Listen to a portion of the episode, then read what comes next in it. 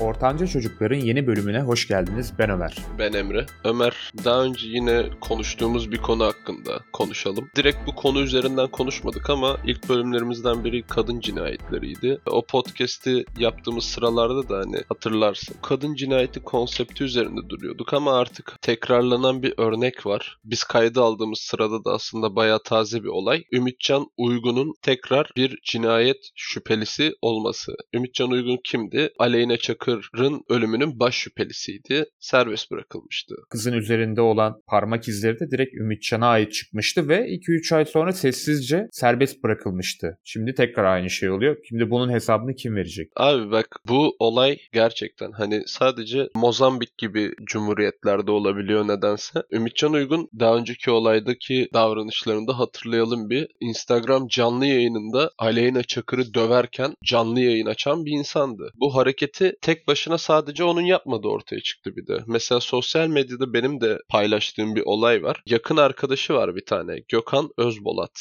diye. O da kız arkadaşını canlı yayında döverken birkaç tane videosu var. İnsanlar ekran videosu almış. Hatta ekran videosunun yorumlarında şey var. Abi yayını kapatın başınıza bela alacaksınız. Siz ikiniz yan yana gelmeyin tarzı yorumlar var. Bunlar tek başına da değil. Arkası sağlam bir şekilde çete halinde abi alıyorlar kız arkadaşlarını canlı yayında döve döve yayın açıyorlar ve hiçbir Allah'ın kulu da bunlara bir şey demiyor. Aman böyle LGBT yürüyüşüne gitseler toma yollarlar ama burada adamlar canlı yayında dövüyor. Bir tane videoyu izledim. Onlarla işte grup halinde birlikte oldun değil mi? İşte falan diyor. Orospu falan diyor. Ve dövüyor kadını. Ya Twitter'da hala var. Bak Twitter'a girip bakabilirsiniz. Yani 6500 RT almış bir post Twitter kullanıp görmemiş olmanız imkansız. Adamlar alıyorlar. Kız arkadaşlarını dövüyorlar. Canlı yayında da yayınlıyorlar. Şimdi Ümitcan daha popüler olan çocuk olduğu için sosyal medyada bu konuyla ilgili. Aleyna Çakır öldü ve cinayetin baş şüphelisi serbest bırakıldı. Sonra ne oldu? Tabii ki de hani uylu huyundan vazgeçmez. Yeni bir cinayet zanlısı olarak tekrar sosyal medyada gündem oldu. Bak ben ismini unutmuştum. Ümitcan Uygun'un. Halkımızın çoğu gibi ben de unuttum. Çıktı bir ara sessiz bir şekilde.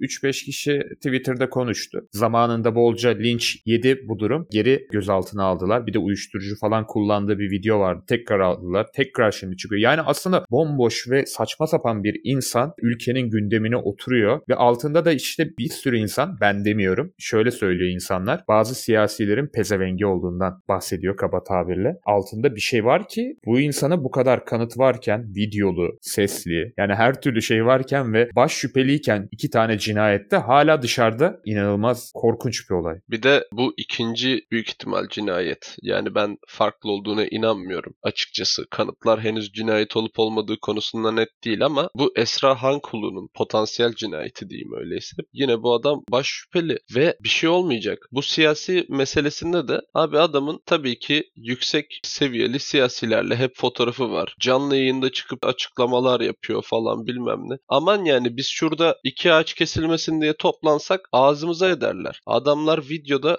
dövüyor. Bir de haberlerde şöyle bir sıkıntı var. Bu ikinci cinayetle ilgili yapılan haberlerde geceyi beraber geçirdiği terimi çok fazla bastırılarak kullanılmış. İlk başta ben şöyle düşünmüştüm bu olayla ilgili de. Tam gece canlıydı kız. Geceyi bu çocukla birlikte geçirdi. Sabah öldü. Hani şüpheleri aslında doğrulayan bir söylem mi diye düşündüm ama ondan sonra buranın Türkiye Cumhuriyeti olduğunu hatırladım ve haber ve medyanın kimin tarafından kontrol edildiğini hatırladım. Haberi bu şekilde yapmanın sebebinin sosyal medyada özellikle Twitter'da bazı kullanıcıların şundan dolayı olduğunu ileri sürdüğünü fark ettim ve katılıyorum. Geceyi birlikte geçirdi. Hemen savunucular işte Su testisi su yolunda kırılır. Aynen. Kızın orada ne işi vardı? Oralara gelmeden önce potansiyel olarak başkasının hayatını elinden aldığını unutmamak lazım buraya gelmeden önce. Orası bambaşka bir konu yani. Ama dediğin gibi haberlerde de birlikte oldu. Son gecesiydi. Kız sanki bunu istemiş gibi falan bir dille yazılmış gerçekten. Çok manipüle edilmiş. Öyle. Şimdi seyircilerden hukuk okuyan, ilgili işi olan vesaire kim varsa aslında bunlara en çok bir soru sormak istiyorum. Doğru mu yanlış mı çünkü bilmiyorum. Yorumlarda da yazabilirsiniz. Bu kısımdan sonrasını klip alıp paylaşabilirsiniz. Mesela yurt dışında belli başlı organizasyonlar var. Mesela Neighborhood Watch diye bir olay var. Abi atıyorum mahallede çok fazla hırsız var vesaire. Güvenlik güçleri, kolluk kuvvetleri hepsine yetişemiyor. Adamlar diyor biz bu mahalleyi koruyacağız. Çıkıyorlar. Adam dövme falan yok. Çıkıyorlar abi. Neighborhood Watch yazılı. Hani böyle mahalle bekçiliği yazılı. Tişörtlerini giyiyorlar ve nöbet tutuyorlar. Çevreyi geziyorlar gruplar halinde. Ve bu legal bir şey. Bir şey gördükleri zaman da hemen polise net böylece bilgi verip gelmelerini sağlayabiliyorlar. Böyle bir şey Türkiye'de yapılabiliyor mu? Özellikle ülkede belli olaylardan sonra bu kadın cinayetleri artık çok absürt bir şekilde artmaya başladı. Kanun da hiçbir şekilde kadınları ve çocukları korumamaya başladı. Zaten zar zor koruyan kanunlar kaldırıldıktan sonra şöyle bir önerim var. Bu legal mi? Onu soruyorum. Böyle bir şey yapalım diye direkt insanları galeyana getirmek istemiyorum ama biz kendimiz oturduğumuz yerlerde ekipler halinde amacımız